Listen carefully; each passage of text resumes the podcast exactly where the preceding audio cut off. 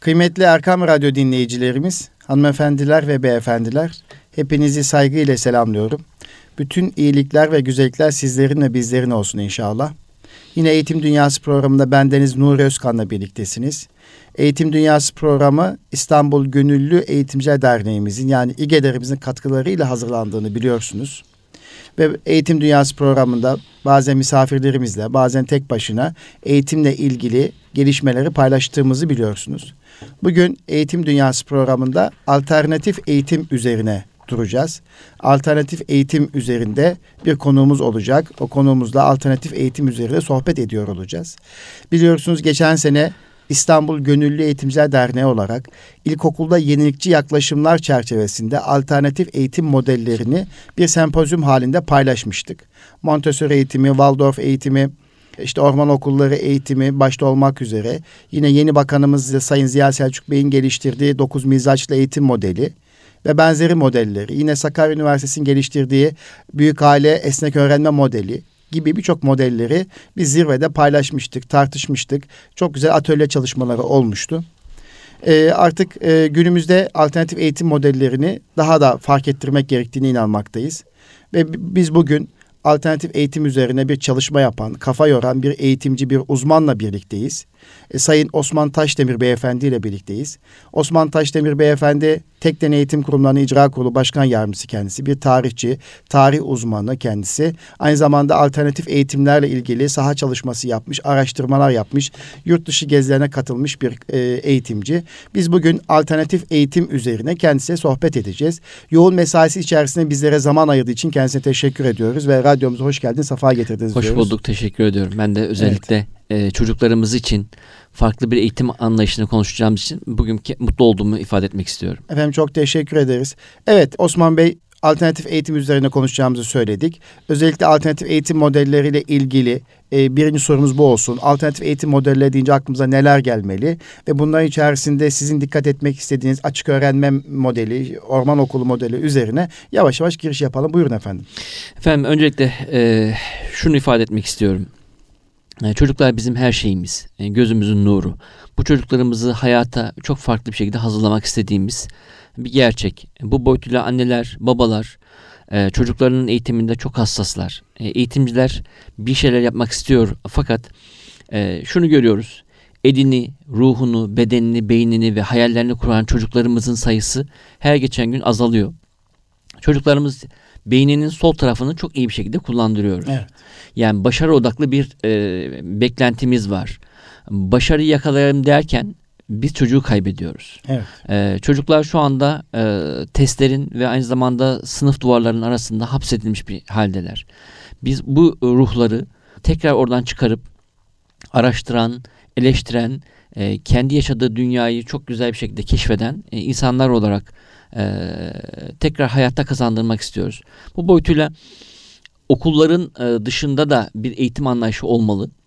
Nasıl tıp e, camiasında alternatif tıp şu anda e, revaçtaysa, insanlara yeni sağlıklar sunuyorsa, yeni bir e, evet sunuyorsa, alternatifler sunuyorsa biz de eğitim boyutunda acaba e, neleri farklı yaparsak e, güzel olur? Neleri farklı yaparsak bu çocuklar hayatı çok farklı bir şekilde keşfeder, e, daha anlamlı bir şekilde yaşar ve mutlu olurlar. E, amaç mutluluksa, amaç çocuğu kazanmaksa, amaç çocuğu hayata hazırlamaksa okul dışında da bir şeyleri farklı yapmakta fayda olacağını düşünerek yola çıktık ve alternatif eğitimleri incelemek adına dünyanın farklı ülkelerini gezdik, baktık. E, bu coğrafyalarda e, orman okulları adı altında çocuğu özellikle doğada e, güçlendiren, e, doğada bir şeyler üretmesini sağlayan bir alternatifi gördük.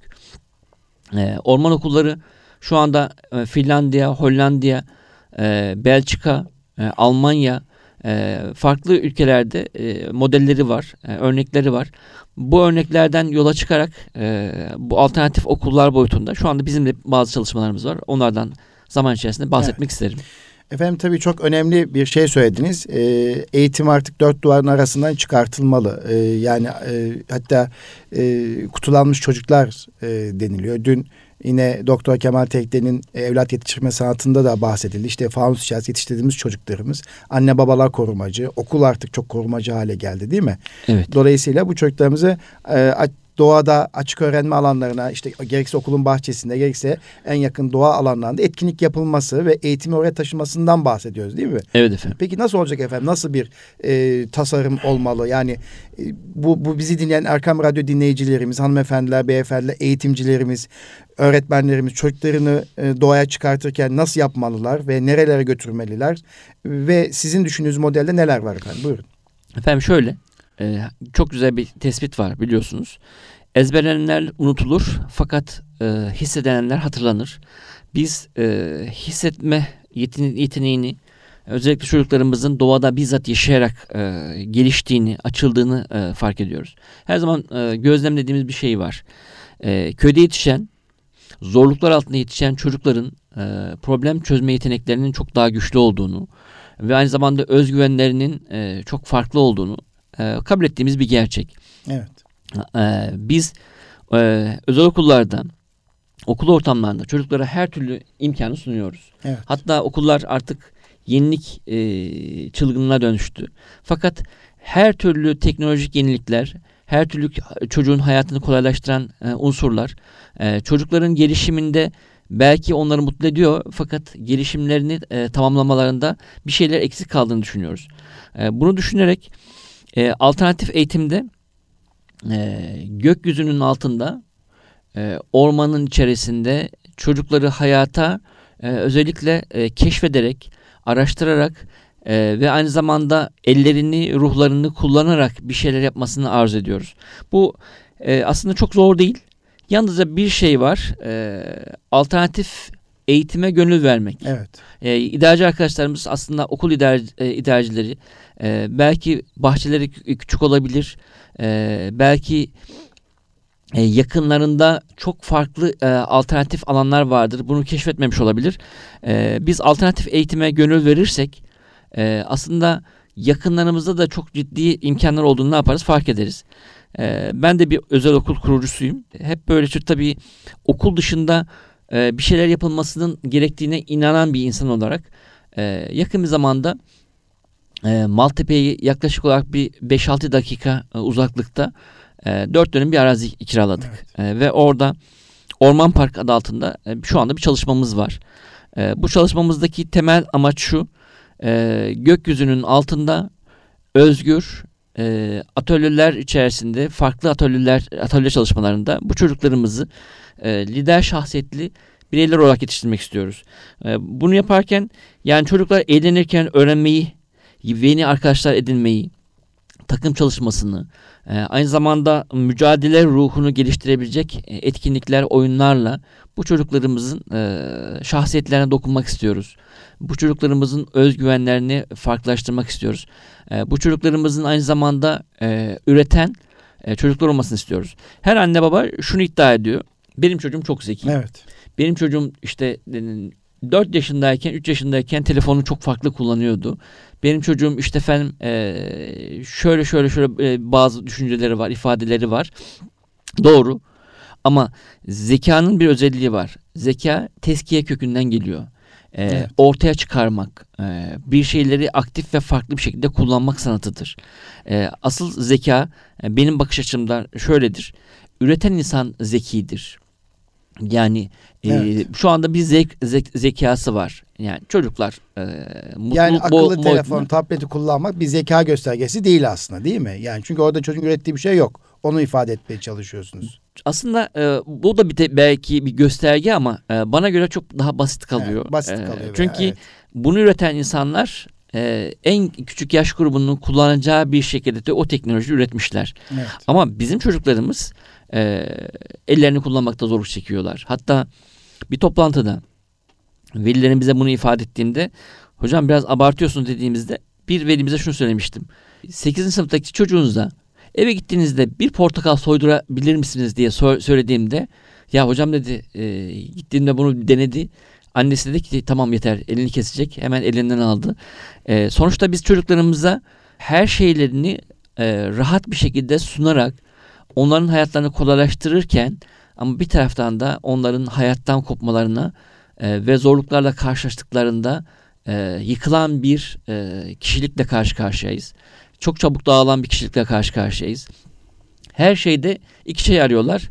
Hız ve haz. Evet. Hız ve haz. Evet. Bunlar onları şu anda mutlu ediyor. Ee, ama bu, bu boyutta e, çocukları buradan belki biraz çıkarmak lazım. Ee, doğayla işte onun için buluşturmak istiyoruz.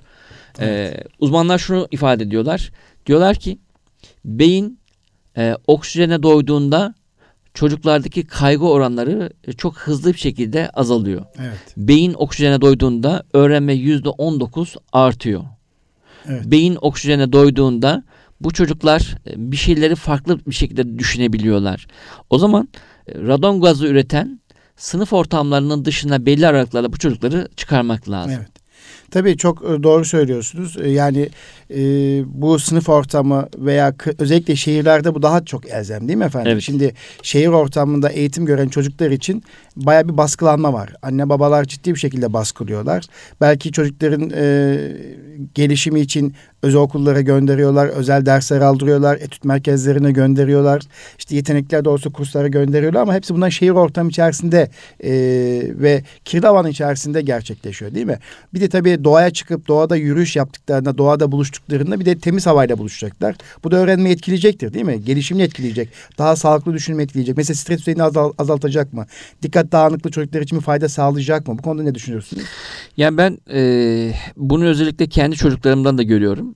E, kısa vadeli e, yaptığımız gezileri eğer e, bu çocuklarımızı doğayla, e, tabiatla buluşturduğumuzda mesela e, yaylamız var. Çok yüksek bir yer. Ankara'nın e, Kızılcahamam'ın bir yayla e, köyündeyiz. E, o köye gittiğimizde e, farklı bir çocukla karşılaşıyorum. Yani Evet. Televizyon ve teknolojiden uzak bir ortamda hiç sıkılmıyorlar Evet.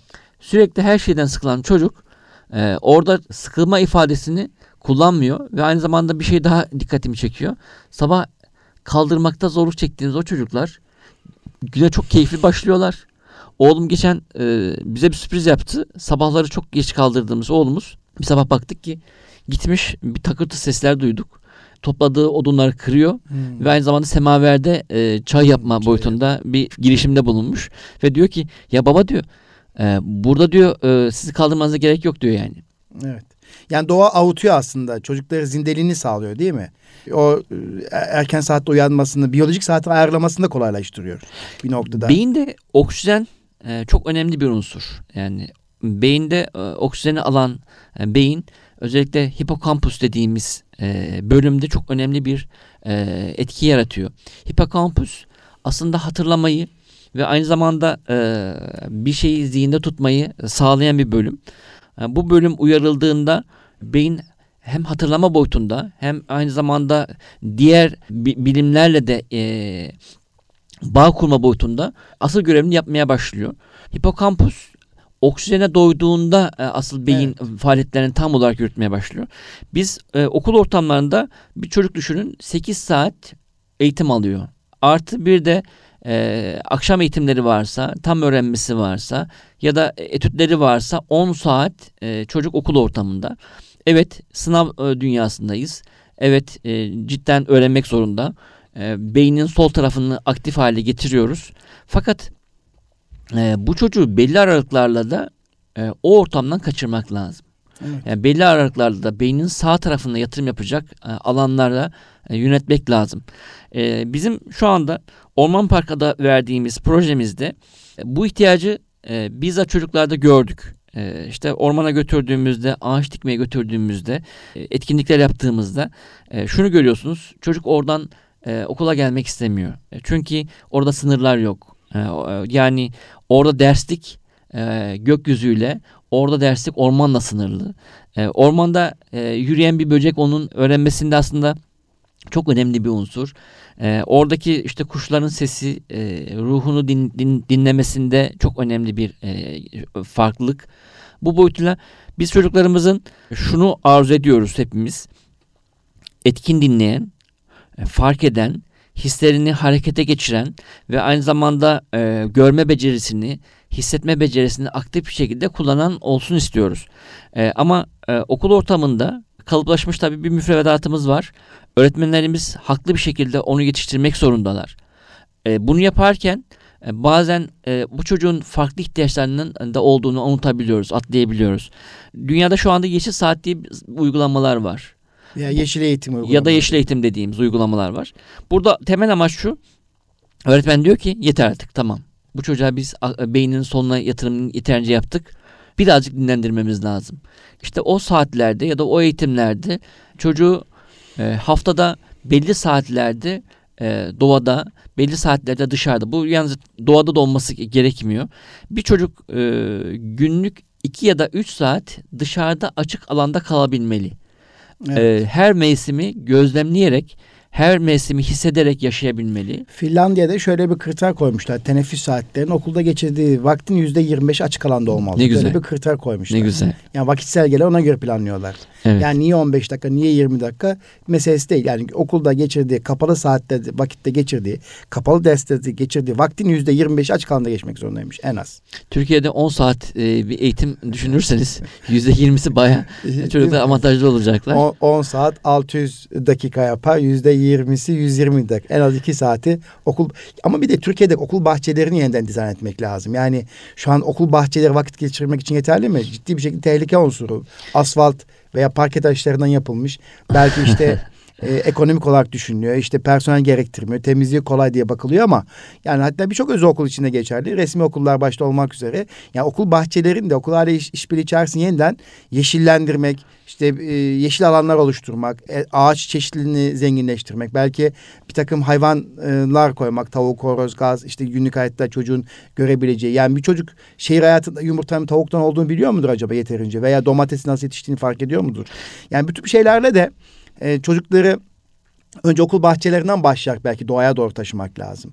Değil mi? Ve varsa yakınlarda işte İstanbul için çok mekanlar var. Nezahat Gökyiğit olmak üzere işte sizin bahsettiğiniz Orman Park alanı, işte Maltepe'de Orhan Gazi Parkı, işte Yeni Kapı'daki parklar, işte Başı Büyük Ormanı şudur budur.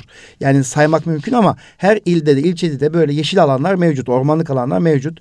Buraları eğitimciler çok iyi değerlendirmelidir. Mesajımız o oluyor değil mi bugün asıl e, söylemek istediğimiz? Evet. evet. Efendim aslında e, şu bir gerçek. E, betondan yapılmış e, okul bahçeleri e, çocukların streslerini azaltmıyor. Azaltmıyor evet. Yani biz toprağa dokunan çocuk istiyoruz. E, bu boyutuyla da e, aslında e, imkan olsa da okul bahçelerini çocuklarla birlikte dizayn edebilsek. Bu bahçeleri e, aslında e, aktif bir şekilde en çok kullananlar onlar. Onlara sorsak yani çocuklar nasıl bir okul bahçesi istiyorsunuz? Ya da onlara sorsak e, okuldan kalan zamanlarınızda daha farklı bir şekilde neleri e, farklı yaparsak mutlu olursunuz. E, bence çok e, değişen bir stille okul bahçeleri oluşacağını düşünüyorum. Yani çocuğun bahçede emeği olmalı. Evet. Çocuğun bahçede e, okulla bağ kuracağı bir hayvanı olmalı. Evet. E, tamam e, çocuk binaya geliyor.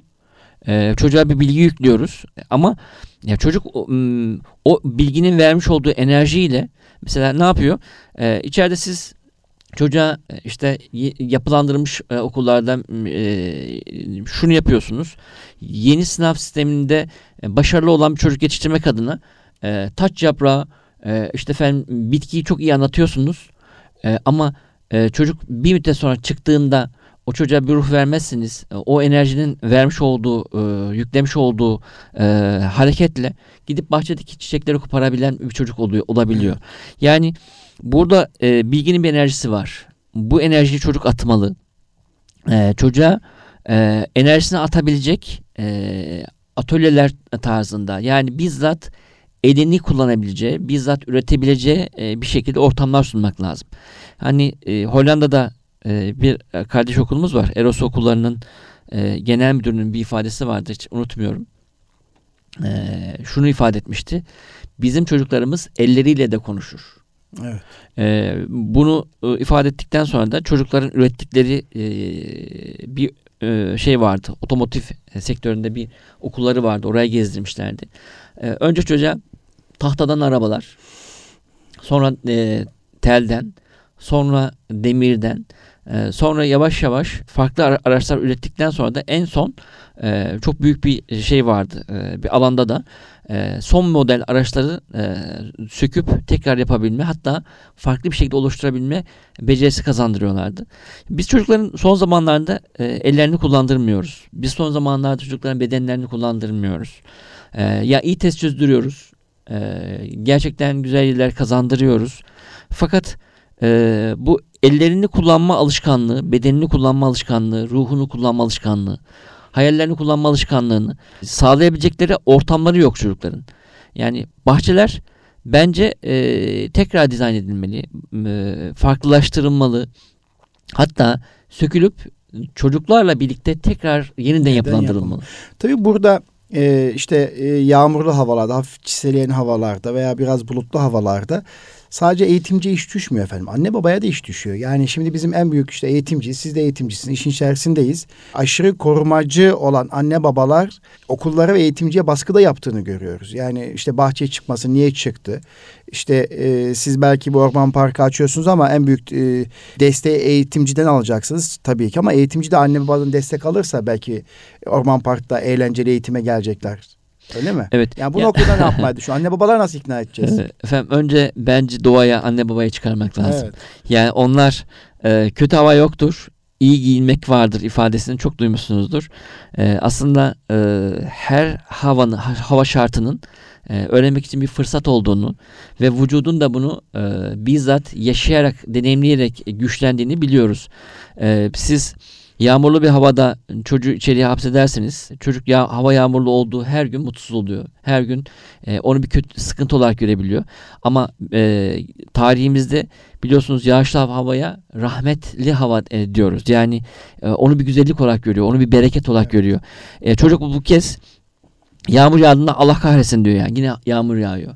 Yine kar yağıyor. Onun bir Çünkü- nimet ve bereket olduğunu Unuttuk. unuttuk. Evet. Çünkü e, biliyor Rahmet ki olduğunu unuttuk. evet biliyoruz ki okul müdürü diyecek ki e, nöbetçi öğretmenlere e, bugün dışarı çıkarmayın. Evet. Ee, nöbetçi öğretmenler bugün çocukların çıkmasını, çıkmasını ne yapacak? Engelleyecek. Ya da okul bunu destekliyorsa bu kez anne baba diyecek ki e, hocam çocuğun burnu akıyor. E, hocam e, dün çocuk işte efendim e, biraz üşütmüş öksürüyor. Niye çıkardınız? E, lütfen dikkat edin diyecekler ve Aslında bu çocuklar hapsolmaya devam edecekler. çok güzel söylediniz. Ee, kötü hava yoktur. Ee, doğru giyinmek vardır dediniz. Ee, işte bu hava şartlarına bağlı olarak çocuklar kendilerini doğru giyinmeyi öğrenip dışarıda oksijenini almaya devam ederlerse evet ilk etapta, ilk etapta üşüyormuş gibi olacaklar ama bağışıklık kazanacak, dayanıklıklar artacak değil mi? Beden o hava koşullarına göre e, dayanıklılığı artacak.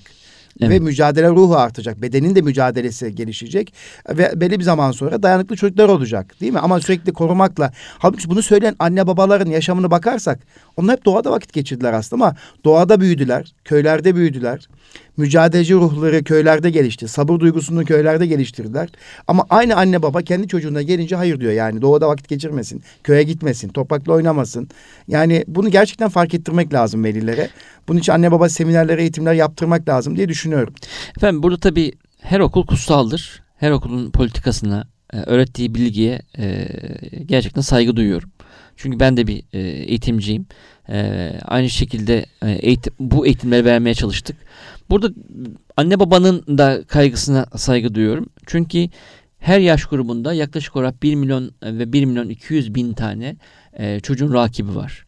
E, bu kadar rakibin içerisinde bu çocuk e, hayatta bir yere gelsin e, beklentisi içerisinde e, çocuklar e, küçük yaştan itibaren özel ders almaya, çocuklar küçük yaştan itibaren e, müfredatı tabiri caizse ezberler bir şekilde öğrenme boyutunda çok ciddi gayretlerimiz var. Ama e, az önce de ifade ettiğim gibi bunun tamamı beynin soluna yönelik bir çalışma. E, siz çocuğu okul ortamında e, yani kapalı mekanlarda e, bu bilgilerle donatırken e, bir taraftan öğrenme aşkını, bir taraftan da öğrenme kanallarını kapatıyoruz. Evet. Öğrenme kanalı kapatılan çocuk e, hadi doğaya gidelim dediğinde gitmek istemiyor. E, ona tek bir şey verin, cep telefonu verin, bir odada e, saatlerce dursun. Bu kez bencil, takıma uymayan, e, arkadaşlarıyla geçinemeyen, aynı zamanda çok zayıf bir bünyeli bir çocukla karşılaşıyorsunuz. E, aslında bir müddet sonra bu çocuk öğrenme e, aşkını, öğrenme mücadelesini de kaybediyor. Evet. Yani bizim e, küçük yaştan itibaren e, doğada yetiştirdiğimiz bir çocuk böyle olmayacak. E, küçük yaştan itibaren hava koşullarına alışan bir bünye, küçük yaştan itibaren bedensel gelişimini tamamlayan bir bün- bünye, küçük yaştan itibaren oksijeni doğru almış bir beyin E, o zaman e, göreceksiniz ki bu çocuğun öğrenmesini, e, bu çocuğun öğrenme aşkının arttığını ve akademik olarak da daha başarılı olduğunu fark edeceğiz. Ki biz bunu yani yüzlerce çocuktan görüyoruz. Bakıyoruz ki bir çocuk var. Gerçekten çok güçlü, başarılı, okulda lider. Ee, anne babasıyla ben sohbet ettiğinde o çocuğun köy hayatı var. Ee, o çocuk e, gerçekten hafta sonlarında dinlendiriliyor. Alternatif bir şeyler yapılıyor. Böyle aile, ailelere saygı duyuyorum. Ee, böyle aileler kafa yormuşlar. Bir şeyler oluşturmaya evet. çalışıyorlar. Ee, belki imkanları yok ama imkanlarını zorluyorlar. Evet. Burada yapılacak bir şey varsa imkanlarımızı zorlamak lazım. Ee, yeni şeyler üretmek ve bu çocukları beyninin solu yan dışında e, sağını da e, aktif hale getirmek lazım. Yani ruhsal ve duygusal zekalarını çalıştırabilecekleri Özellikle ortam oluşturmak işte orman lazım. Orman eğitimi, ormanda eğitim çocuklarımızın ruhsal ve duygusal zekalarını geliştirir. Asıl şey bu. Hani doğa dinginlik verir, huzur verir, stresten arındırır diyoruz ya.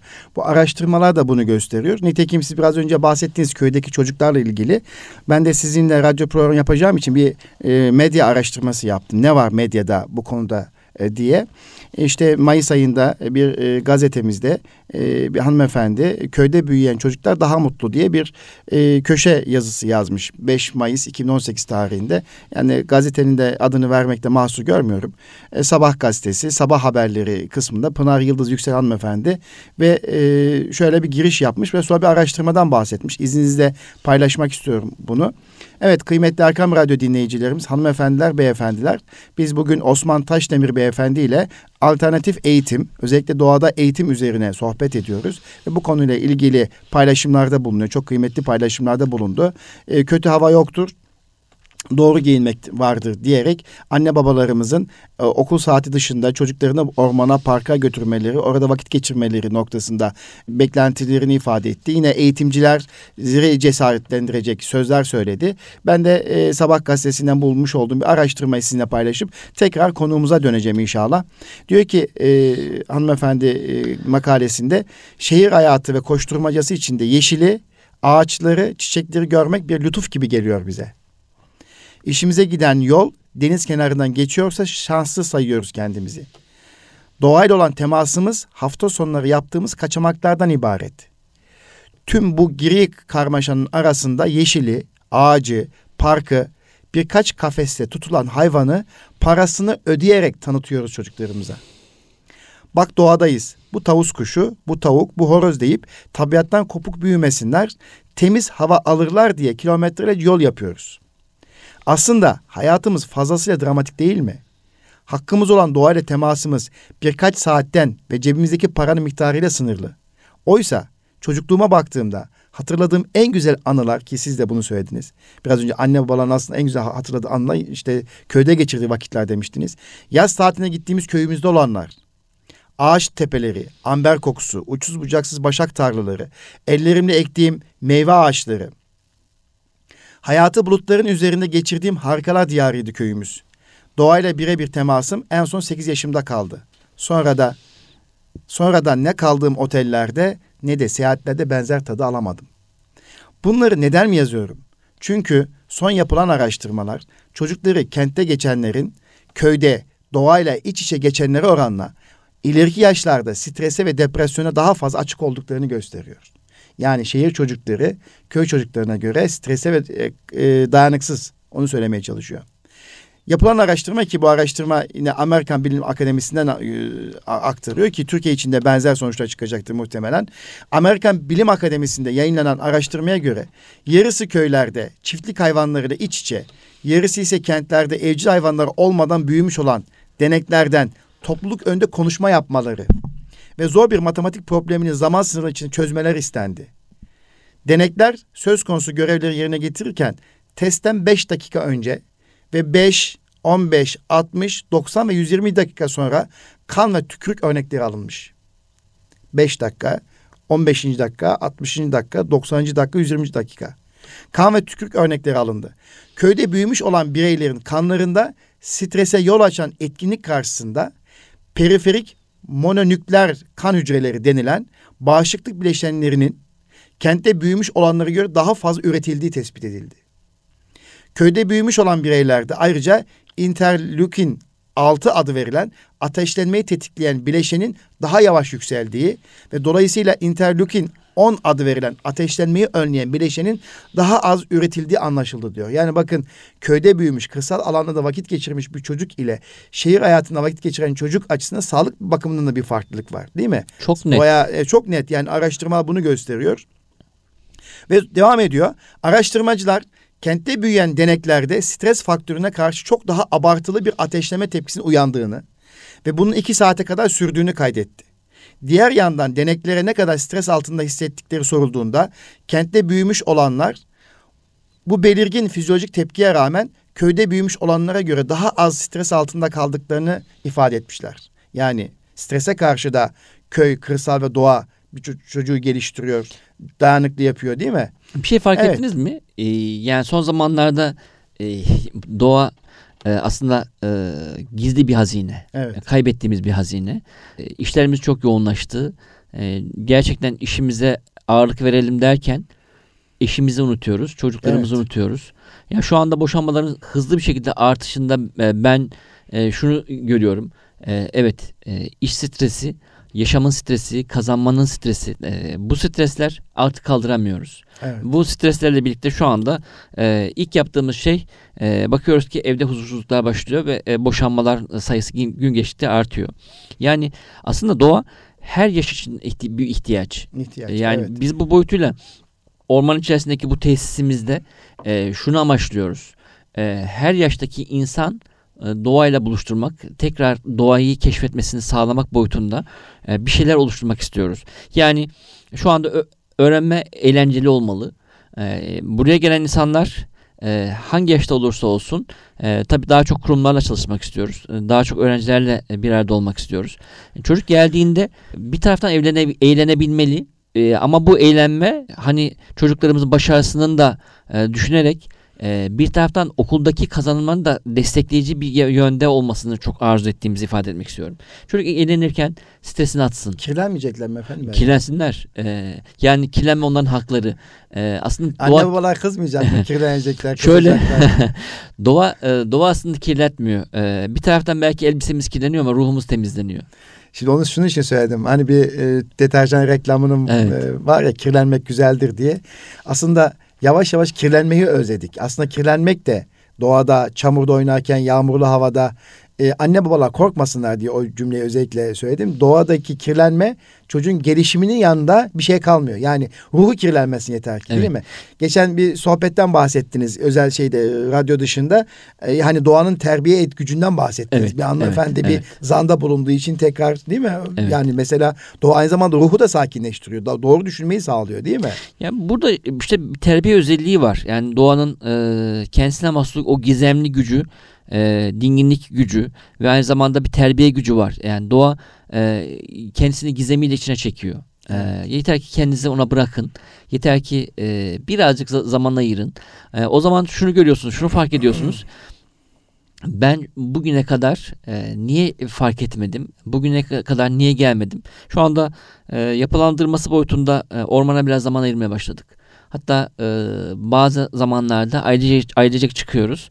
E, bir şey fark ediyoruz. Yani dakikalarca konuşmadığımızı fark ediyoruz. Çünkü Doğanın sessizliğinden e, faydalanıyor. doğanın o sessizliği, o, o gizemi e, o, o kadar içine çekiyor ki bir an bakıyorsunuz karıncalar dakikalarca çocukla çocuğumuzla ve eşimle birlikte o karınca yuvasının e, faaliyetlerini e, izliyorsunuz. E, oradaki bir böceğin garip hareketleri sizi ne yapıyor? Kendisine çekiyor. Çekiyor, Ve şunu düşünüyorsunuz. Diyorsunuz ki evet evet bizim dışımızda da bir dünya var. Ee, bir varlık alemi var. Ee, aynı zamanda burada e, şunu da fark ediyorsunuz. Ee, işte büyük ressam Hazreti Allah'ın büyüklüğünde Değil mi? görebiliyorsunuz. Tefekkür ede, ettiğin zaman da yaratıcının gücünü görüyorsun. Aslında biz çok konuşuyoruz. e, çok ara- e, okuyoruz. Çok araştırıyoruz derken e, ruhlarımız Büyük kitabı okumuyoruz. Evet, ruhlarımız e, bazen yoruluyor, çok yoruluyor Evet. ve o büyük kitabı, e, kainat kitabını e, atlayabiliyoruz. E, kitabımız açık. Kitabımız net. E, kitabımızda her şey e, e, karşınızda. Her canlının o gayretini görüyorsunuz. E, o canlının gizemli hayatını görüyorsunuz. Şimdi biz e, böcek uzmanı geçen bir arkadaşımızla orada da inşallah birlikte olacağımız bir hocamızla oturduk. Böcekler üzer- üzerinde biraz konuştuk. Ya hocam bir şey de, fark ettim dedim. Yani e, ben böceklerden biraz korktuğumu e, hissediyorum. E, yani dedim siz bir bayan olarak e, nasıl oldun yani ne yaptınız? Diyor ki hocam e, önce diyor tabii çok kopuğuz. E, biz de diyor bu alana girdikçe baktık ki aslında her canlı e, bir kimlik taşıyor. Her canlı bir özellik taşıyor. Biz çocuklarımızı nasıl bir arkadaşla tanıştırıyorsak e, böceklerle nasıl tanıştırıyorsak ağaçlarla nasıl tanıştırıyorsak kuşlarla tanıştırmamız lazım. Çok unuttuk. Evet. Yani tabiatta birlikte olduğumuz e, bu alemi e, şu anda tekrar keşfetmenin keyfini, keyfini yaşıyoruz. Evet. Osman Bey şimdi anladığım kadarıyla e, bir eğitimci olarak, bir girişimci olarak e, özel okul yanında aynı zamanda bütün çocukların faydalanabileceği bir ormanlık alan içerisinde bir eğitim e, sistemi oluşturdunuz. Evet. Ve Orman Park adını Evet. verdiniz. İşte orada kapalı anladığım kadarıyla derslikler var, Doğru. atölyeler var. Bir de açık mekanlarda outdoor eğitimleri yapılabilecek. Evet. Öğrenciler takım bilincini geliştirecek. E, okul derslerindeki kazanımları da Destekleyecek, güçlendirecek. Biraz şöyle ondan bahsederseniz birkaç dakikamız kaldı çünkü evet. Efendim e, az önce de ifade ettiğim gibi e, biz alternatif bir e, eğitim ortamı oluşturmayı şu anda hayal ediyoruz. Ana sınıfından e, üst sınırı koymuyoruz çünkü her yaşın gelebileceği bir ortam oluşturmaya çalıştık. Burada e, çocuklar geldiğinde e, kum havuzların içerisinde Survivor parklarımız var. E, orada e, bir taraftan eğlenirken diğer taraftan da e, belli yerlerde beceri geliştirme atölyeleri oluşturmaya çalıştık. E, belli başlı bazı atölyelerimiz var. Mesela kumdan mühendislik dedik. E, Yani e, kumun aslında gizemli bir e, farklı bir öğretici yönü var. E, çocuklar kumlara hayallerini yazabilecekler. Çocuklar mühendisliğin e, bazı o e, keyifli e, uygulamalarını kumla yapabilecekler. Yani oynarken bir taraftan çocuklara başka bir şey öğretmek istiyoruz. Yani defter ve kalemin dışında da e, eğitim materyallerimiz var. E, Bunda ahşabı, ağacı, e, kumu, toprağı, çamuru, yaprağı yani çocuğun gereksiz diye üstüne bastığı fark etmediği her şeyi bir eğitim materyali olarak kullanmak istiyoruz. E, aynı zamanda ahşap ve e, oyuncak yapım atölyelerimiz var. Yani biz artık plastik e, her defasında sürekli olarak bir e, oyuncak çöplüğü olan evler değil, çok az e, bizzat çocuğun kendisini yaptığı ve kıymetini bildiği e, bir atölye oluşturmaya çalıştık. Çocuk Evet. buraya gelecek, hayal ettiği e, oyuncağını kendi oluşturacak. Belki çok zorlanacak, belki çok şık olmayacak ama kendi yaptığı için çok kıymetli olacak. Bunun dışında e, yine e, sahne sanatları e, atölyelerimiz olmasını arzu ediyoruz. Burada kukla yapımı, dil ve ifade gelişimi.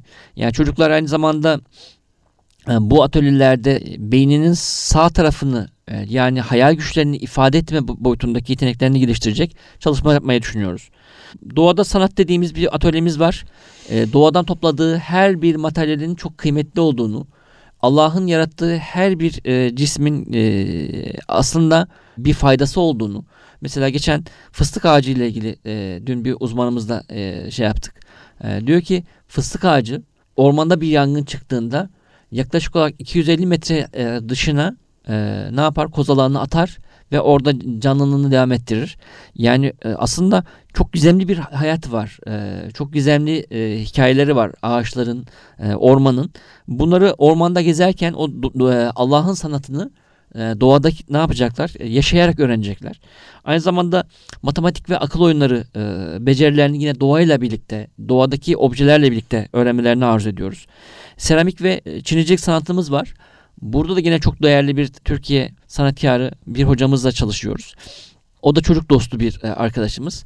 E, geçen onu ifade ediyor. Hocam diyor çocuk çamurla buluşmalı, çocuk kirlenmeli ama akşam eve giderken yapmış olduğu bir sanatı eve götürdüğünde o mutluluğu annelerine e, anlatırken yaşayabilmeli. Babalarına anlatırken yaşayabilmeli.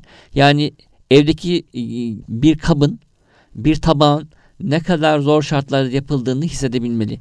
İşte bunu fark eden çocuk e, mutlu olacaktır. Bunu fark eden çocuk e, aynı zamanda alternatif e, eğitimle doğayı keşfedecektir. Okullarımız e, başımızın tacıdır. Öğretmenlerimiz başımızın tacıdır. Onlar çocuklarımızı yetiştirmek adına çok ciddi bir gayretleri var.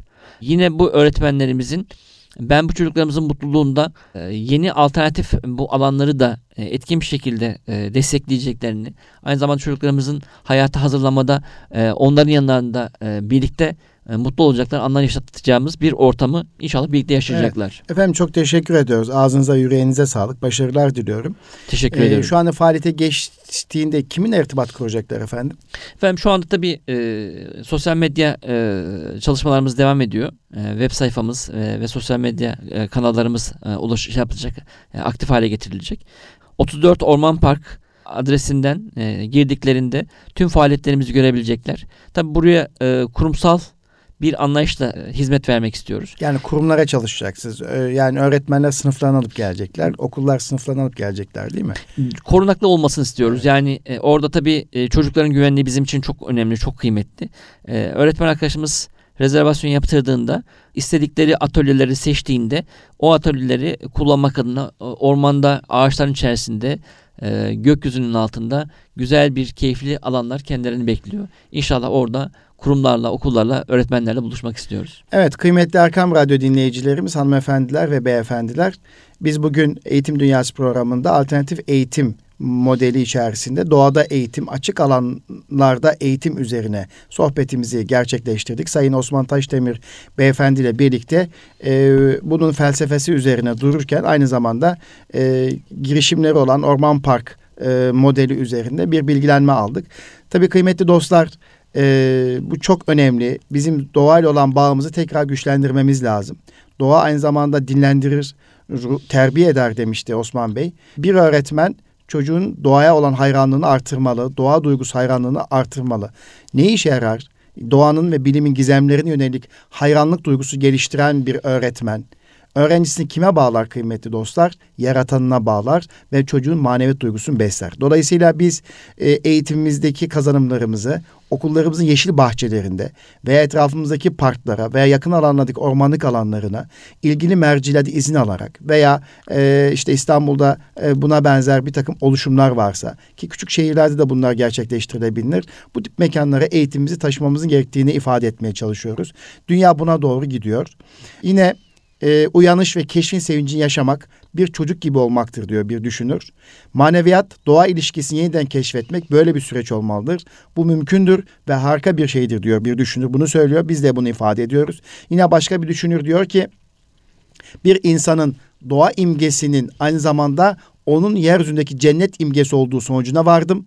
Ben o yerdeyken yani o doğadayken, doğa içindeyken kendimi çok mükemmel hissetmiştim diyor bir düşünür.